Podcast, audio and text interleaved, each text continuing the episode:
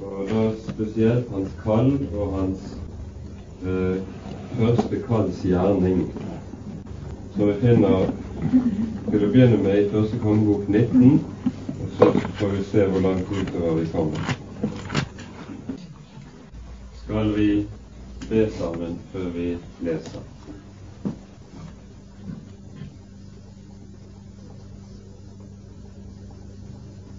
Kjære du levende og trofaste Gud.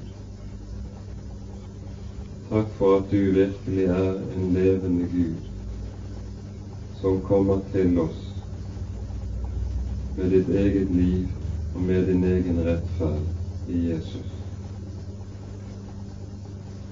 Takk for at du har gitt oss dine ord, at vi skal få mat og lys i dem.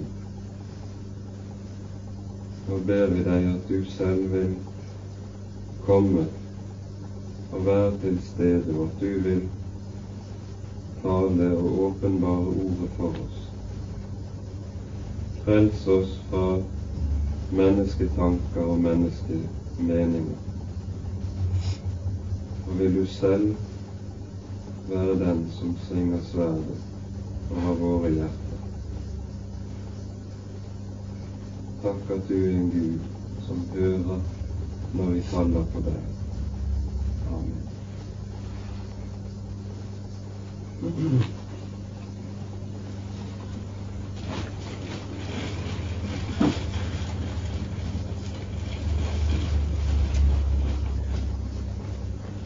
I vinter har vi oppholdt oss en del ved profeten Elias og hans gjerning og kall.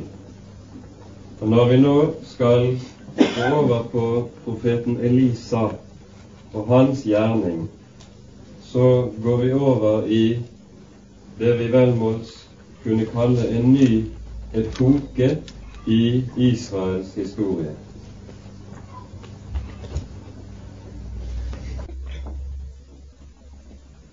Vi husker fra det vi har vært sammen om når det gjelder profeten Elias virke, at han ble oppreist i en helt særskilt nødstid i Israel.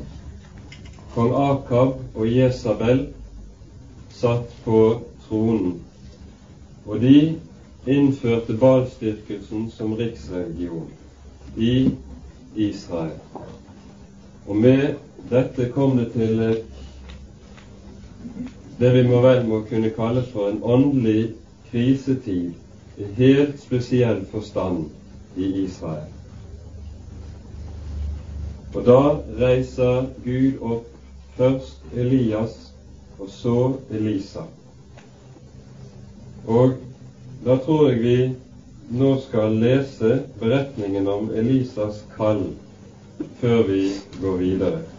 Det finner vi i første kongeboks 19 kapittel.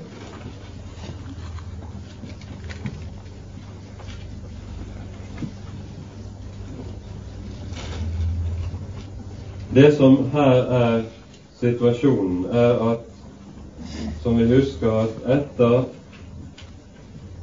kampen på Karmel, hvor Elias møtte de 450 Bals profeter, så la dronning Jesabel Elias få hat og forfulgte ham på livet. Og så må Elias flykte, og flykter helt til Sinai, til hulen der Moses fikk møte Herren, og Herren åpenbarte seg foran under ørkenvandringen. Og i sin nød så kommer så blir Elias trøstet av Herren. Og så sendes han tilbake til Israel med et tredobbelt oppdrag. Og det leser vi om fra vers 15 av og ut kapittelet. Da sa Herren til Elias, gå tilbake igjen og ta veien til ørkenen ved Damaskus, og gå inn i byen og salv Hasael til konge over Syria og Jehu, Nimsis sønn, skal du salve til konge over Israel. Og Elisa, Safats sønn fra Abel Meholah, skal du salve til profet i ditt sted. Og det skal gå så at den som slipper unna Hasaels sverd, skal Jehu drepe. Og den som slipper unna Jehus sverd, skal Elisa drepe. Men jeg vil la 7000 bli tilbake i Israel, alle som ikke har bøyd kne for Baal, alle som ikke har kysset ham med sin munn. Da han nå gikk derfra, møtte han Elisa, Safats sønn, som holdt på å pløye. Tolv par okser gikk foran ham, og selv var han ved det tolvte par. Og Elias gikk bort til ham og kastet sin kappe over ham. Da forlot han oksene og sprang etter Elias og sa, La meg først få kysse min far og min mor, så vil jeg følge deg. Han svarte, Vel, gå hjem, for hva har vel jeg gjort med deg? Så forlot han ham og gikk hjem. Han tok de to okser og slaktet dem, og med oksenes åk kokte han kjøttet og ga det til folket der, og de åt. Så gjorde han seg rede og fulgte Elias og tjente ham. Tre menn får altså Elias oppdrag i oppdrag å salve To av disse kommer til å bli Guds dommers redskaper over Israel som folk. Det er Hasael som skal være konge i Syria, i Damaskus. Hasael kommer til å bringe uhyre mye nød og ulykke innover Israel som folk.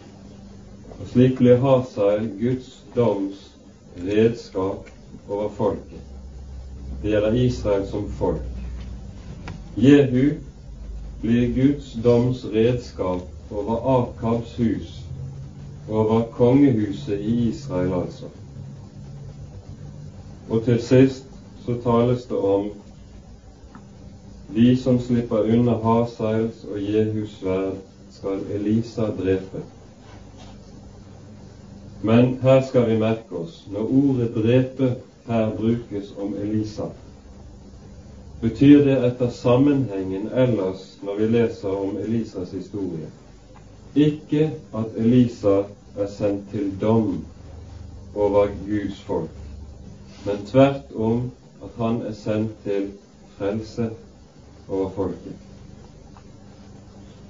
Hasael og Jehu var til dom, Elisa til frelse. Men den død som Elisa skal bringe, det er den død som rammer alle de som tar imot Guds ord, nemlig at dette som Jesus lærer oss som en grunnlov i Guds rike, at dersom ikke hvetekornet faller i jorden og dør, blir det bare det ene korn. Men dersom det faller i jorden og dør, bærer det rik frukt. Og nettopp denne gjerning er det Gud gjør gjennom Elisa. Det ser vi utover gjennom hele Elisas historie. Og dette er helt karakteristisk når vi ser frelse, og leser i frelseshistorien i Bibelen, at det stadig er to gjerninger Gud gjør som går hånd i hånd. Dom og frelse går hånd i hånd. Det er aldri slik at Gud i en tid sender bare dom, og i en annen tid bare frelse. Nei, tvert om, disse to gjerningene går hånd i hånd, og slik at dommen tjener frelsens hensikt. Dette ser vi og er uttrykt veldig klart hos profeten Esaias i det fjerde kapittel, der vi leser om når Gud gjør akkurat det samme i Sydriket, i Juda og i Jerusalem på et senere tidspunkt. Der står det slik i Isaias 4, vers 3 og 4. Og det skal skje Den som blir igjen på Sion og levnes i Jerusalem, skal kalles hellig. Vær den som er innskrevet til livet i Jerusalem. Når Herren får avtvettet Sions døtres urenhet og får vasket Jerusalems blodskyld bort fra dets midte ved doms ånd og renselsesånd. Det er altså tale om en rest som etter dommen står igjen lutret og renset. De er dødet for å få livet. Og nøyaktig det samme er det som er Elisas gjerning. Han blir den som gjennom å svinge Guds sverd, Guds ord, over folket, gjennom død bringer liv til denne rest av de 7000 som det taler om her. Og her skal vi merke oss noe som er fundamentalt når det gjelder Guds stell inn i det som har med frafall å gjøre. Gud griper nemlig aldri inn overfor frafallet direkte på den måte at han utrydder frafallets årsak. Det er sjelden han går den veien. At han rammer frafallets foregangsmenn, det er aldri det første han gjør. Guds gjerning når han griper inn og han reiser seg for å gripe inn overfor frafallet, det består først og sist i at han reiser opp menn som forkynner Guds ord, og så på en særskilt måte åpenbarer ordet inn i denne situasjonen. Det som kjennetegner Elisa, er nettopp det at han er en som har Guds ord. Det står om ham i andre kongebok tre. Hos ham er Herrens ord, sier folket. De vet det. Og dette ser vi også tegnes klart for oss i Salme 12, hvor det taler om at Gud vil reise seg nettopp i den tiden hvor frafallet griper om seg, og det særskilt er noen som lider vondt og kommer i nød over dette så står det i vers 6 og 7 i Salme 12. For de elendiges ødeleggelses skyld, for de fattiges sukks skyld, vil jeg nå reise meg, sier Herren. Jeg vil gi dem frelse som stunder etter dem. Herrens ord er rene ord, like som sølv som er renset i en smeltedigel i jorden syv ganger renset. Og Legg merke til hvordan dette binder sammen. Talen om at Guds ord i disse tider på særskilt måte kom, trer frem, lutret og renset. Og det blir det som reiser opp, frelser og hjelper de elendige og de fattige. Dette er Guds gjerning, og det er det primære Gud har å gjøre i slike tider. Det som altså kjennetegner disse som Gud selv reiser opp for å bære frem Hans ord, er at Gud gjennom disse stadfester at Han er en levende Gud.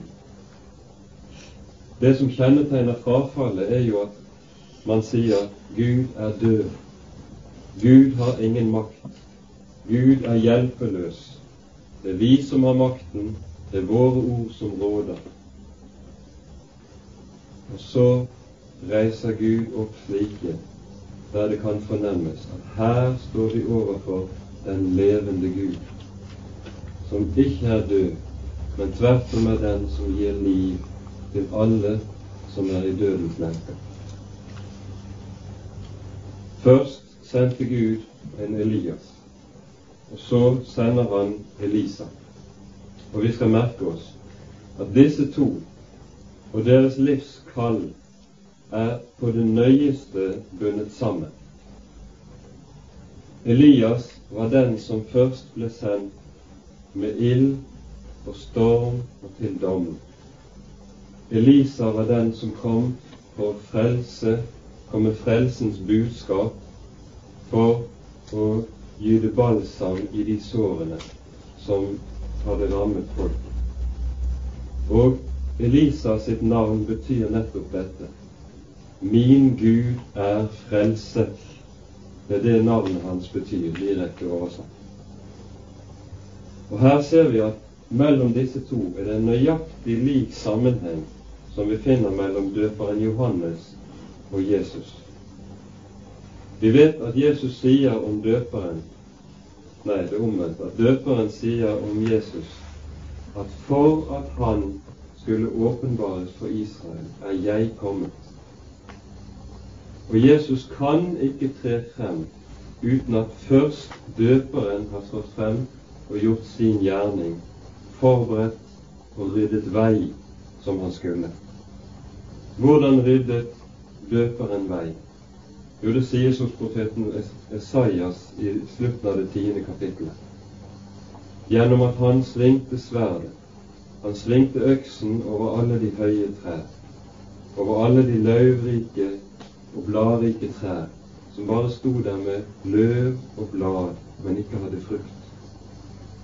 Disse svingte døperen sverdet over og hugget av grenene, så det bare blir en stubbe igjen og så står det at umiddelbart etterpå at når Messias så kommer, er det som spiren rotskuddet av tørr jord. Et skudd skal skyte frem av Isais stubb, står det. Og han skal bære frukt. Og nøyaktig analogt er forholdet mellom Elias og Elisa. Elisa er dommens profet. Eli, Elias er dommens profet, Elisa er frelsens profet. Og dette gjenspeiler seg også på den måten at vi ser at det er en rekke likhetstrekk når det gjelder Elias person og døperen Johannes person. Ikke minst ser vi det ved Horeb, hvor Elias er inne i sin dype anfektelse. Er alt mitt verk forgjeves? Det samme gjelder døperen Johannes når han sender bud til Jesus. Er du den som skal komme, eller skal vi vente en annen? Det er nær, nært slektskap mellom dem. Og denne rekkefølgen i Guds måte å arbeide på når Han vil ha noe gjort, den viser seg også nettopp på Horeb når Gud åpenbarer seg for Elias. Først kommer han, sender Gud en rivende storm som sønderriver klipper og knuser berg. Men Herren var ikke stormen. Han sender jordskjelv, men Herren var ikke jordskjelv. Han sender ild, men han var ikke der så kommer den sakte, stille susen. Der var han. Elias representerer stormen og ilden og jordskjelvet til dom over Israel. Elisa kommer med den sakte og stille susen som bringer legedom for alle som kunne høre. Og så vender Eli, Elias tilbake. Og nå er Israel et helt annet enn det var da han flyktet på Jesabel. Da han flyktet, var det etter tre og et halvt års tørke over landet. En tørke som vi kan skjønne hadde slettet nesten alt grønt liv over hodet ut. Når han for, regnet det. Og nå, 40 dager senere, når han vender tilbake, kan vi skjønne hvordan landet nå ser ut. Det begynte å spire og gro og blomstre rundt i landet. Og Derfor er det vi finner Elisa bak plogen. Nå kan bonden gå til verket igjen. Og nettopp det, denne omsnuingen i landet, det er så å si løftet over Elisa sin gjerning òg. Først har dommen fått gjøre sin gjerning. Nå skal den Elisa komme, og det skal spire og gro og bære frukt i hans fotspor. Byen Abel Meholah, det var en liten by som lå nokså avsides. Og vi skjønner at Elisa sin slekt var en rik slekt. De besatt store jordeiendommer, og hans far var gjerne den rikeste mann der i omegn. Hans familie må også ha hørt med blant disse 7000 som ikke hadde bøyet kne for barn. Uten det kan vi ikke skjønne hvorledes Elisa reagerte som han gjorde på kallet. Det er nemlig heller ikke noe forsøk fra familien sin side på å holde Elisa tilbake når han blir kalt. Tvert om, familien feirer at Elisa tar avskjed. Og vi skjønner at Elisa helt umiddelbart forstår hva som ligger i dette, at Elias kaster sin kappe over ham. Nå skal han så å si gå i Elias sine sko og Elias sine klær og fylle hans oppgave.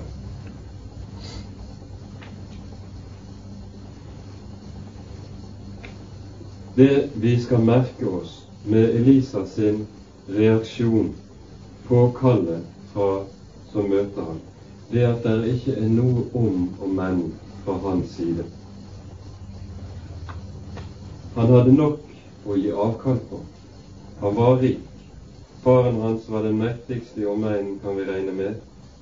Og den tryggheten som han ville ha blant sine egne og i slekten, den måtte han også gi avkall på. Alt dette som han eide og besatt trygt, det bytta han mot nød i profetgjerningen, hjemløshet, fattigdom, motgang og han visste hva som ventet han som Guds profet. Han så jo for sine øyne hvordan det var gått med Elias, og han visste at han kunne slett ikke vente seg noe bedre. Og allikevel, uten å nøle, sier han ja, ta farvel med de hjemme og gå med. Dette, denne holdningen som Elisa her legger for dagen, kalles i Bibelen for en villig ånd. Og vi leser om den f.eks. i dette kjente verset i Salme 110. Ditt folk møter villig frem på ditt veldes dag. I hellig prydelse kommer din ungdom til deg, lik dogg ut av morgenrødens sjø. Det som forutsetter en slik villig ånd,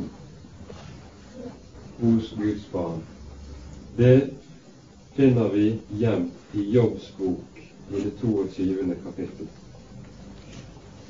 som jeg tror vi skal ta oss tid til å lese.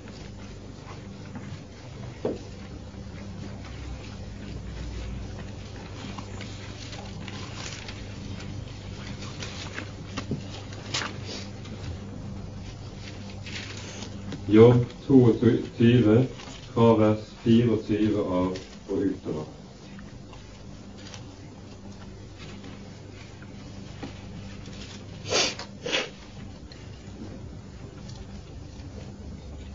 Kast ditt gull i støvet og ditt ofirgull blant bekkens stener. Så skal den allmektige være ditt gull og være som dynger av sølv for deg. Da skal du ha din du glede deg i den allmektige og løfte ditt åsyn til Gud. Du skal be til ham, og han skal høre deg, og du skal oppfylle dine løfter. Setter du deg noe fore, da skal det lykkes for deg, og over dine veier skal det skinne lys. Altså, kast ditt gull i støvet Her ligger det igjen. Det som her menes med ditt gull, er det som ellers i Bibelen kalles for et menneskes gode.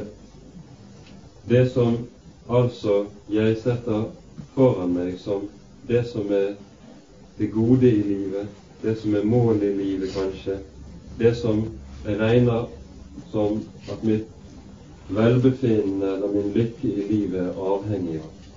Det kalles i Bibelen for mitt gode. Og all annen som et menneske holder for sitt gode, alt annet enn Herren, det er det som kastes i støvet. Slik at der ligger et løfte over det, at den allmektige skal være gull som dynger av sølv for deg. Det er løftet. At alt det som gjør rik det er lagt bort, slik at Herren blir rikdom. At Gud selv er den som er alt han trenger og behøver. Og har han ham, så har han ikke lyst til noe på jorden, slik det står i Salme 73. Her er det altså tale om en erfaring i samlivet med Gud som gjør at man vet at jeg trenger intet annet enn Ham. Og har jeg ham, så har jeg alt jeg behøver. Kast ditt gull i støvet, så skal din, den allmektige være som gull for deg. Det er løftet. Og det er det som skaper den villige ånden. For da vet jo det lille mennesket at lykken ikke ligger i at det har gods og eiendom og trygghet, men lykken ligger i å få, være der Herren er. Det var jo også det som var Jesu bønn for sine disipler. Jeg ber for dem, sier han i Johannes 17, i den ypperste prestelige bønn, at de må være der jeg er, for at de må se min herlighet, den herlighet som jeg hadde hos deg før verdens grunnvoll ble lagt. Å se Hans herlighet, det løser for alle andre bånd. Det er ikke slik at det er en betingelse først at vi må løse oss fra alle bånd for å kunne eie Herren som sin rikdom. Da ville det være loven. Men det er tvert om gitt som løfte at Han lover å være det for en synder og dermed så løses båndet. Kastet gull i støv. Det som kjennetegner det naturlige mennesket, er jo det motsatte. Den uvillige ånd. Den er tegnet for oss i Salme 32, i et vers som vi kjenner alle sammen. Vær ikke som hest og muldyr, som ikke har forstand, deres smykke, tømme og bissen til å tvinge dem med. De vil ikke komme nær til deg. Alle de som på en eller annen måte har loven, som tvinger og driver dem i sitt kristenliv, de blir som slike som ikke kommer nær til ham. Den uvillige ånd følger alltid loven og loviskheten. Den villige ånd følger evangeliet. Og så går Elisa med Elia. Vi kan kanskje også skyte inn her at dette kallet som Gud gir til Elisa, den var nok nødvendig for Elias sin del også. Det hadde vist seg gjennom trengslene som vi leser om i kapittel 19 i første kongebok, at Elias trengte en å gå sammen med på veien. Han klarte ikke det å gå alene. Og i sin nåde gir Gud ham en å dele med på veien. Og jeg tror det er noe av kanskje det vi aller mest trenger, alle sammen. At Gud gir oss en slik å gå sammen med og dele med, og så lukker han opp sitt ord mens de to går sammen på vei. I denne tiden som følger etter at Elisa har lagt hjemmet bak seg, så går han i skole hos Elias. Og dette er Guds skole på særskilt måte. Det tar nemlig en åtte-ni år antageligvis før Elisa selv kommer i vei med sin profetgjerning. Og denne tiden, disse åtte-ni årene, de er fylt med den enkleste tjeneste. Det står i andre kongebok tre at Elisa helte vann over Elias hender. Det vil si han var, hans tid var mye beskjeftiget med tjeneste for Elias. Og vi ville ikke undret oss, noen av oss, om vi hadde hørt om Elisa at han hadde protestert på dette. Er dette det jeg ble kalt til? Gå her i åtte-ni år år etter år og ikke gjøre noe mer vesentlig. Dette her å være profet for Gud og ha et høyt kall, og kanskje blikket også kunne vendt seg hjemover. Det var jo langt vesentligere ting å ta fatt på hjemme, kanskje. Vi hadde ikke undret oss om Elisa ble utålmodig og vente og vente, og ingenting skjer slik. Det ikke så enkelt for noen. Men her skal vi være klar over her forberedes noe av det helt grunnleggende for Elisas kallsgjerning senere. For vi vet at Jesus har satt som en grunnlov for tjenesten for ham at den som er tro i smått, skal bli satt over stort.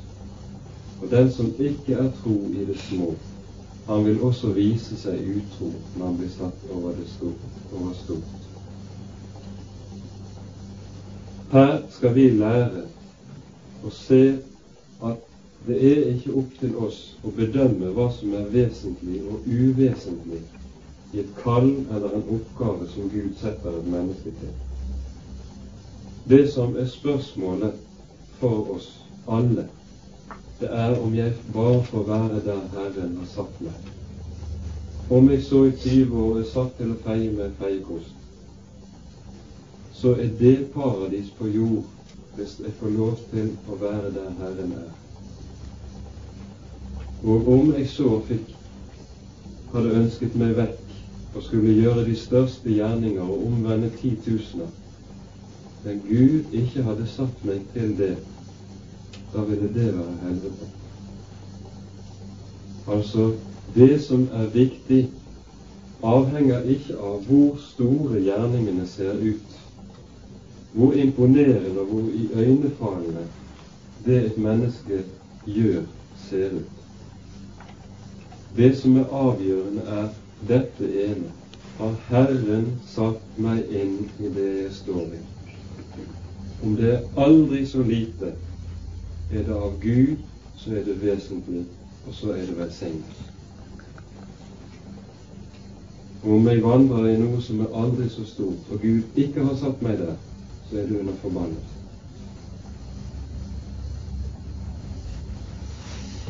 Vi vet jo at når disiplene begynte å krangle om hvem som var stor, og hvem som var størst, og hvem som var mest betydningsfull, og kunne ha den mest innflytelsesrike gjerning av dem, så setter Jesus et barn iblant dem og sier den som vil være størst iblant dere, skal være den minste. Og Jesus gjorde seg selv til den minste. Han ville ikke være stor, han var tjener. Og han fullførte hele sitt livs gjerning som tjener, ikke som herre.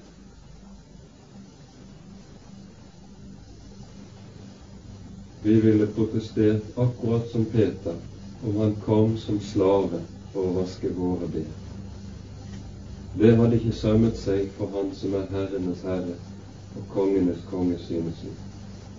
Det sømmer seg jo ikke for oss i hvert fall, og da langt mindre for Han.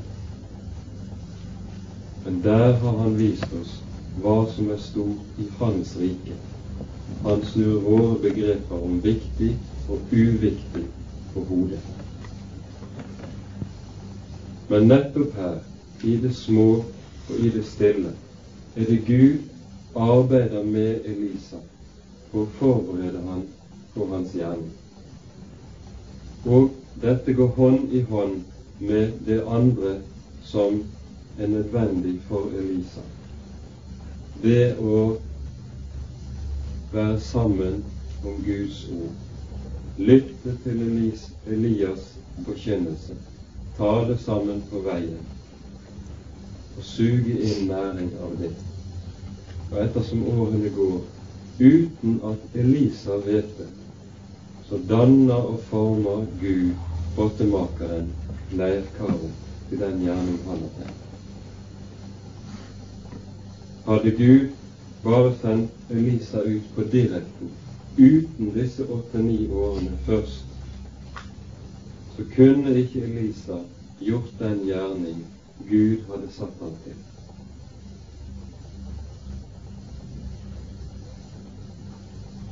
Derfor, når Elisa forlater hjemmet, så gjør han det med å holde høytid.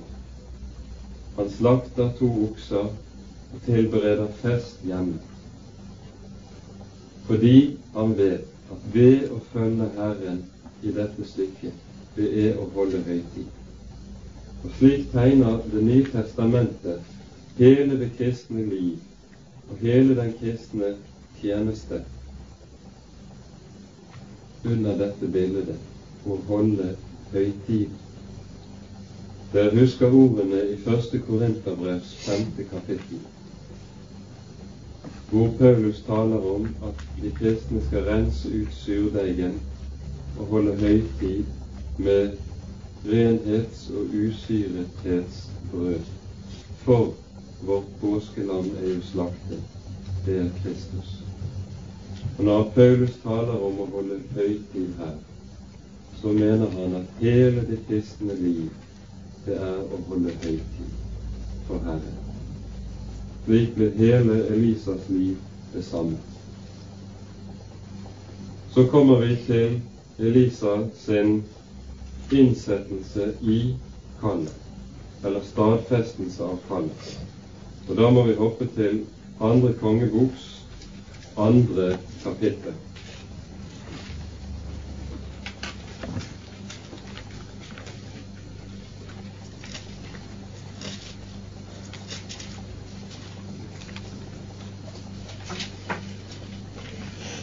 Der tror jeg vi skal lese de eh, versene fra vers 9 av og ut kapittelet.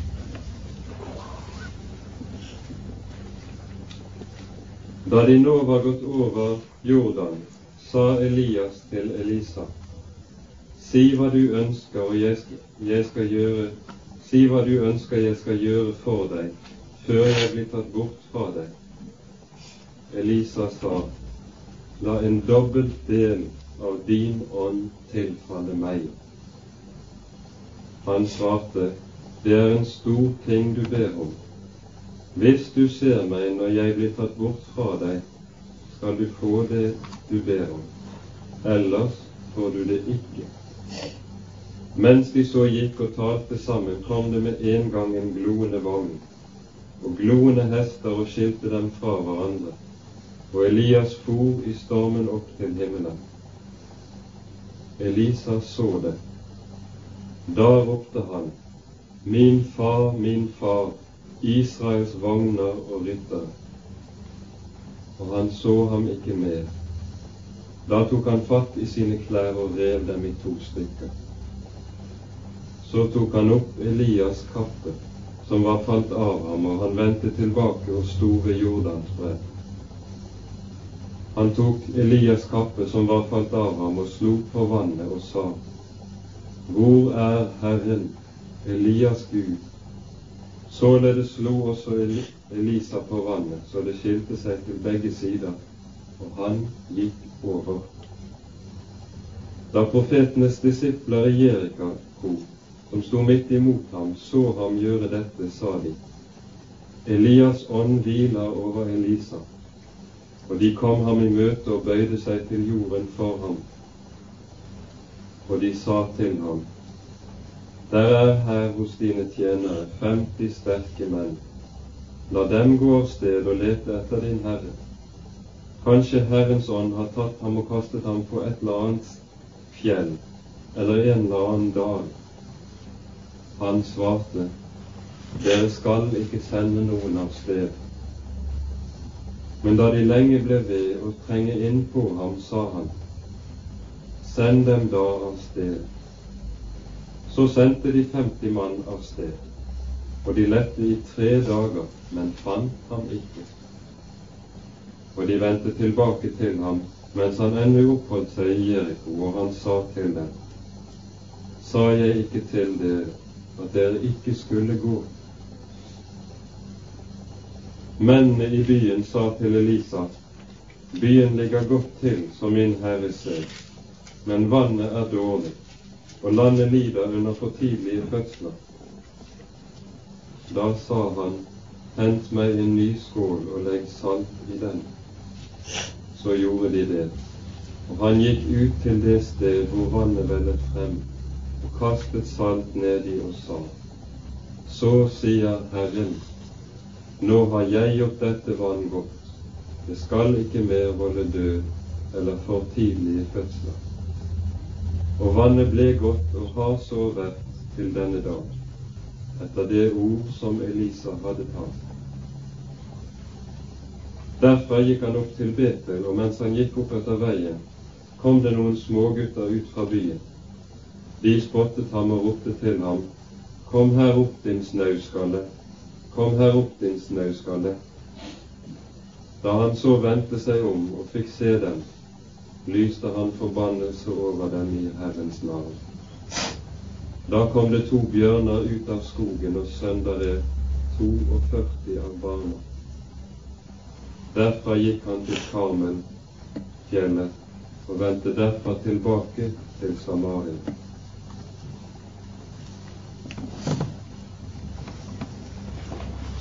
I de åtte-ni årene som er gått frem til dette berettes, har det vært stille om Elisa. Hele tiden tales kun om Elia og hans gjerning. Og så har Elisa gått i skolen. Og så kommer avskjeden ved Jordan, som vi talte om på en tidligere bibeltime, der Elias tas opp og rykkes bort til himmelen. Og vi må vel si det slik at her og nå stadfestes Elisa sin, sitt kall og sin utsendelse. Her er på en måte Elisa i en helt analog situasjon som Jesu disipler var.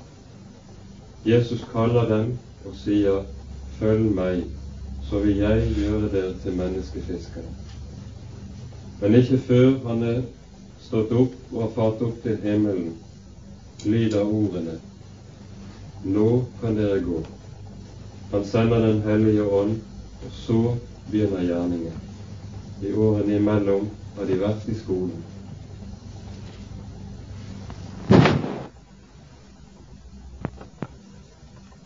Vi skal merke oss her at det som Elisa ber om, det er noe helt grunnleggende. Han ber ikke om veiledning. Han ber ikke om råd om hva han skal gjøre når han er skilt fra Elias. Vi kunne jo tro at det var noe av det han ville trenge aller mest. Han ville stå der rådløs uten sin mester når Elias var vekk. Han ber ikke om noe som helst slike ting, men han ber om en dobbelt del av Elias ånd. Og dermed skjønner vi at Elisa hadde skjønt hva det var som konstituerte, for å bruke fint ord, Elias' gjerning. Det var Guds ånd i ham.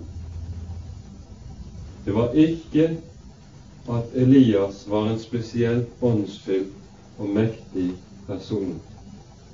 Det var ikke det at han var nådd spesielt langt på veien som gjorde at han kunne gjøre det han gjorde, og tale slik han talte. Det var Ånden som gjorde gjerningen i ham og gjennom ham. Og Elisa visste kan ikke jeg ha del i den samme ånd, så kan jeg heller ikke ha del i denne tjeneste.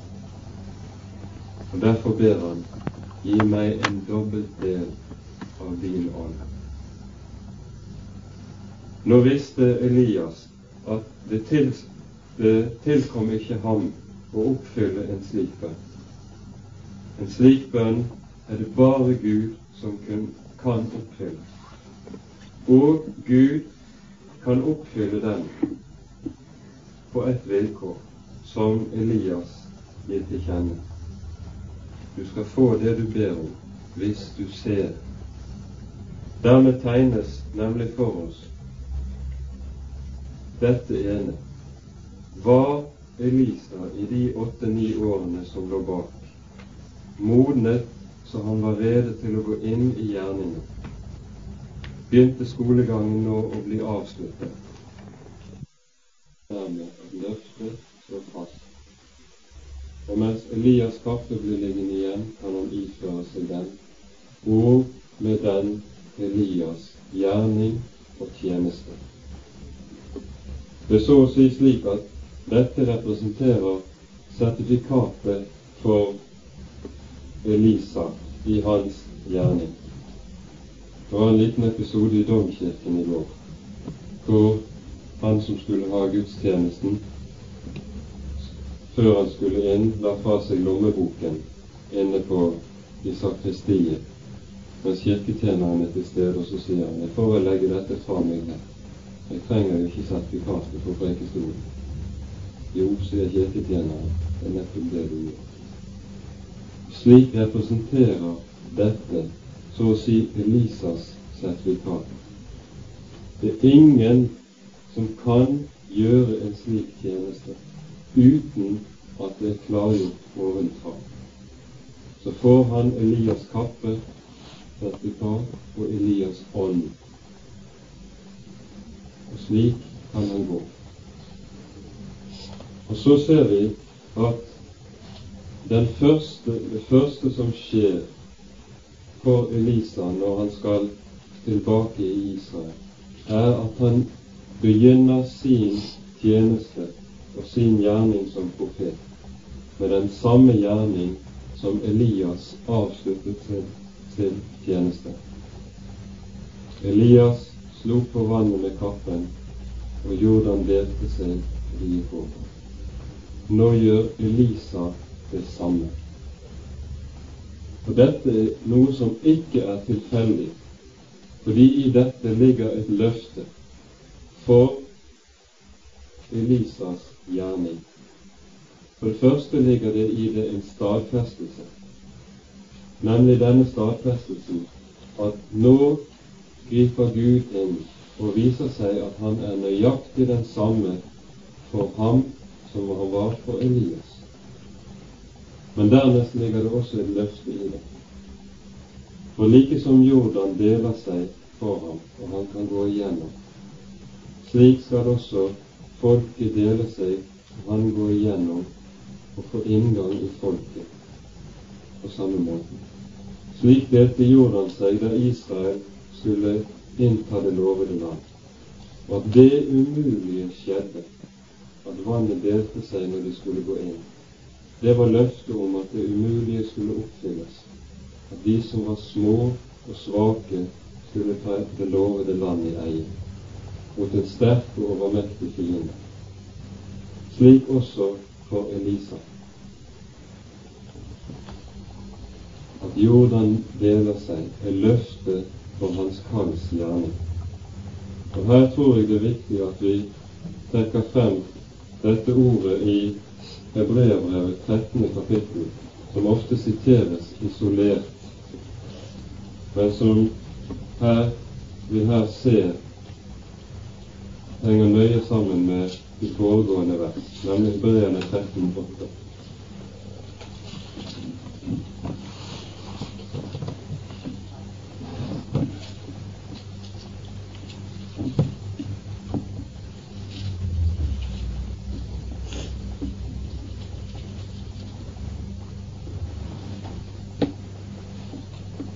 Det står her i de avsluttende formaninger i Hebreerne 13, så sies det i vers 7.: Kom i hu, deres veiledere, som har talt Guds ord til dere. Gi akt på utgangen av deres ferd, og etterfølg så deres tro. Jesus Kristus er i går og i dag den samme, ja, til evig tid. Og det er nettopp dette Elisa gjør. Han gir akt på utgangen av Elias her, og han etterfølger hans tro. Han etterfølger ikke Elias i hans gjerning, for å si det slik. Fordi Elisa er ikke kalt til å gjøre det samme som Elisa er ikke kalt til å gjøre det samme som Elias. Men han etterfølger hans tro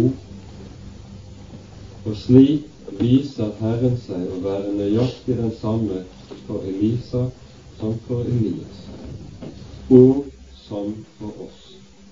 Og Derfor kan også forfatteren av Jakobs brev si at Elias var en mann under samme vilkår som oss. Vi har lett for å sette disse store Guds menn i en særstilling og si de at den nåde som ble dem til del. Det lys som de fikk del i, det var den. For de var jo så store, de var jo så framme, de var jo så vel utrustet. Men det er ikke der det ligger. For de er og var under samme kår som oss. Derfor skal vi ha trøst i dette, at Jesus Kristus er den samme i dag som han var i går for dem etterfølg deres tro. Det er også en annen parallell her til nytestamentlig tankegang og undervisning. For når Elias rykkes opp og tas bort, så etterlater han en annen som skal forkynne Guds ord i folket. Nøyaktig dette er det Jesus gjør når han farer opp. Det sies slik i Efeserbrevet fjerde kapittel. Der det taler om Jesu himmelfart, og at han etterlater seg bestemte gaver når han forlater jorden. Og disse gavene som han etterlater seg, de skal representere hans nærvær og velsignelse blant mennesker. Det står slik fra vers 10 og utover. Han som for ned, er den samme som for opp over alle himler for å fylle alt. Det er Han som ga oss noen til apostler, noen til profeter, noen til evangelister, noen til hyrder og lærere, for at de hellige kunne bli fullkommengjort til tjenestegjerning, til Kristi legemes oppbyggelse.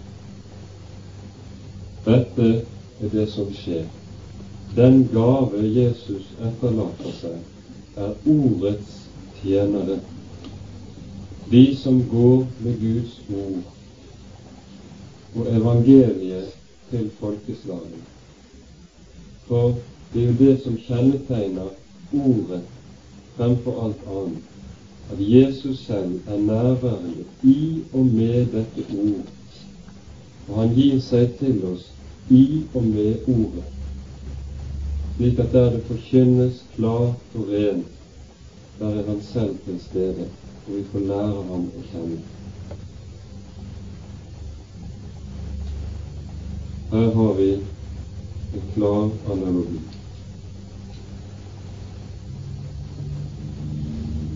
så skjer altså dette forunderlige som vi leser om etterpå.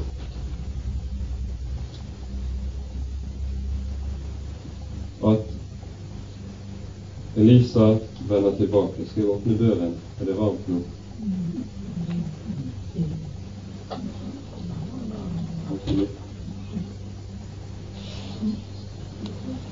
Vi leser om profetenes disipler. Vi var så vidt inne på disse ved den siste bibeltimen som var om Elias. Det som kjennetegner disse, er det vi kan kalle for en høy grad av åndelig umodenhet. De hadde ikke sett at Elias ble rykket bort, slik som Elisa hadde sett. Det er bare på den bakgrunnen vi kan forstå bønnen deres. Og når så Elisa vender tilbake De hadde jo stått der på fjelltoppen og sett ned i Jordandalen. Så sier de la oss springe ut og lete, se om vi finner ham noen steder. Og de legger dermed på dagen at de forstår ikke noe av den åndelige karakter som falt sammen med Elias bortrykkelse, og hvilket løfte Gud hadde gitt til alle sine troende om oppstandelse og liv i det. Og da skal vi merke oss at Elisa stanser ikke. Han sier at de ikke skal gjøre det, men når de står på sitt og holder ved, så stanser han ikke. Og han prøver ikke å forklare for dem hva galt det er de gir seg i kast med. Fordi de ville så allikevel vært ute av stand til å begripe det. Å forklare mennesker som ikke har øyne til å se med åndelige ting, det er umulig fordi det må åpenbares. Det er aldri nok med at det bare forklares. Derfor taler Jesus gang på gang om dette. Jeg priser deg, himmelske Fader, fordi du har skjult dette for de vise og forstandige, men åpenbaret det for umyndige. For disse under som Jesus gjør når han åpner blindes øyne, det er nettopp anskuelsesundervisning som skal lære oss å skjønne at for å se Guds rike, så må Han gjøre et tilsvarende under i alle synderes liv. Vi er like blinde som den blindfødte var. Og du kan ikke forklare hvordan fargene ser ut for en blindfødt. Det er umulig. Og like umulig er det for et menneske som ikke kjenner Gud, å prøve å forklare frem slik at det skal forstå evangeliet. Det må åpenbares, den blindes øyne må åpnes. Og det kan kun skje gjennom et Guds under, en inngripen. Kanskje det underet først skjer når en slik har sprunget rundt og lett i ørkesløshet etter noe som man ikke finner, og som ikke kan finnes, og vende tilbake tre dager etterpå, slik som disse gjorde. Forgjeves har de lete, forgjeves har de strevet. Da kan de kanskje begynne å høre og se. For da har de øyne at de har skutt på nytt med det de selv trodde holdt på med. Ikke før. Vi skal i all korthet bare gå inn på den første undergjerning som Elisa gjør i sitt virke. Denne undergjerningen er ikke tilfeldig. Elisa tar opphold i Jeriko. Og i Jeriko var en by som nylig var bygget opp igjen. Den var blitt rasert under inntoget da Israel inntok det lovede land. Og vi leser i Josvas boks sjette kapittel om hvordan Josva forbannet Jeriko. Og forbannelsen lød på at byen aldri skulle bygges opp igjen. Og om noen gjorde det, så ville det koste ham to av hans sønner. Men i disse frafallstidene som vi er inne i her, det ville bare være naturlig at også et slikt Guds ord ville bli brutt.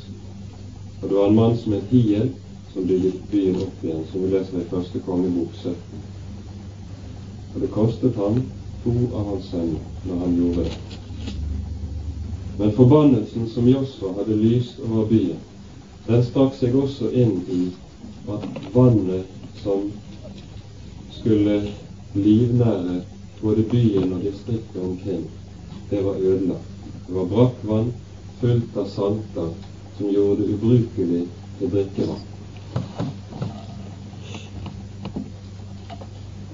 Så kommer folket til Elisa og ber, ber han, for de skjønner og de aner hvem de har. Her er det nemlig ikke profetens disipler som kommer, men det er folket i byen. Så kommer de til ham med bønn. Og så skal vi legge nøye merke til hva som skjer her. Han tar en ny skål med salt og går ut til kilden. Han går ikke langt ned i elven og hiver salt uti, men han går til kilden. Og dette er noe som så å si i en sum griper hele Elisas gjerning på ny fra en annen synsvinkel. Og hva var det som kjennetegnet Israel på denne tiden? De hadde forlatt kilden med det levende vann. De hadde hugget seg ut sprukne brønner, og de var endt opp med vann og brakkvann som ikke kunne livnære noe. Og dette er en lov for alt åndelig liv overhodet at det åndelige liv er totalt avhengig av det kildevann som renner. Drikker du urent kildevann, så vil det alltid føre til åndelig sykdom. Det gjelder den enkeltes liv, og det gjelder menighetenes liv. Og Kirken som helhet og fellesskap. Urent og forurenset vann fører til åndelige sykdommer det kan føre til død eller for tidlige fødsler, fødsler i utide, som det står her. Slik at det fødes barn til trelldom og ikke til frihet, f.eks. Og da er det én ting som nettopp må skje. Herren reiser opp en som kan kaste salt i vannet. Ikke sukker, men salt og på Herrens ord forvandles det til en livsens kilde, slik at det fra denne dagen blir fast, sånn som Elisa sier, det skal ikke mer volde død eller for tidlige fødsler. Fra denne dagen av ble Jeriko det den siden ble, igjen opp gjennom århundrene. Den ble palmestaden den ble en ein som av alle tilreisende ble sammenlignet med paradisets hage, fordi det var så rikt og vakkert og fruktbart der. Alt dette skapt gjennom at vann ble renset. Og nøyaktig den samme gjerning er det nødvendig at Gud får gjøre på ny og på ny i sitt folks historie. Kaste vann, ikke salt i kilden, slik at det blir rent vann.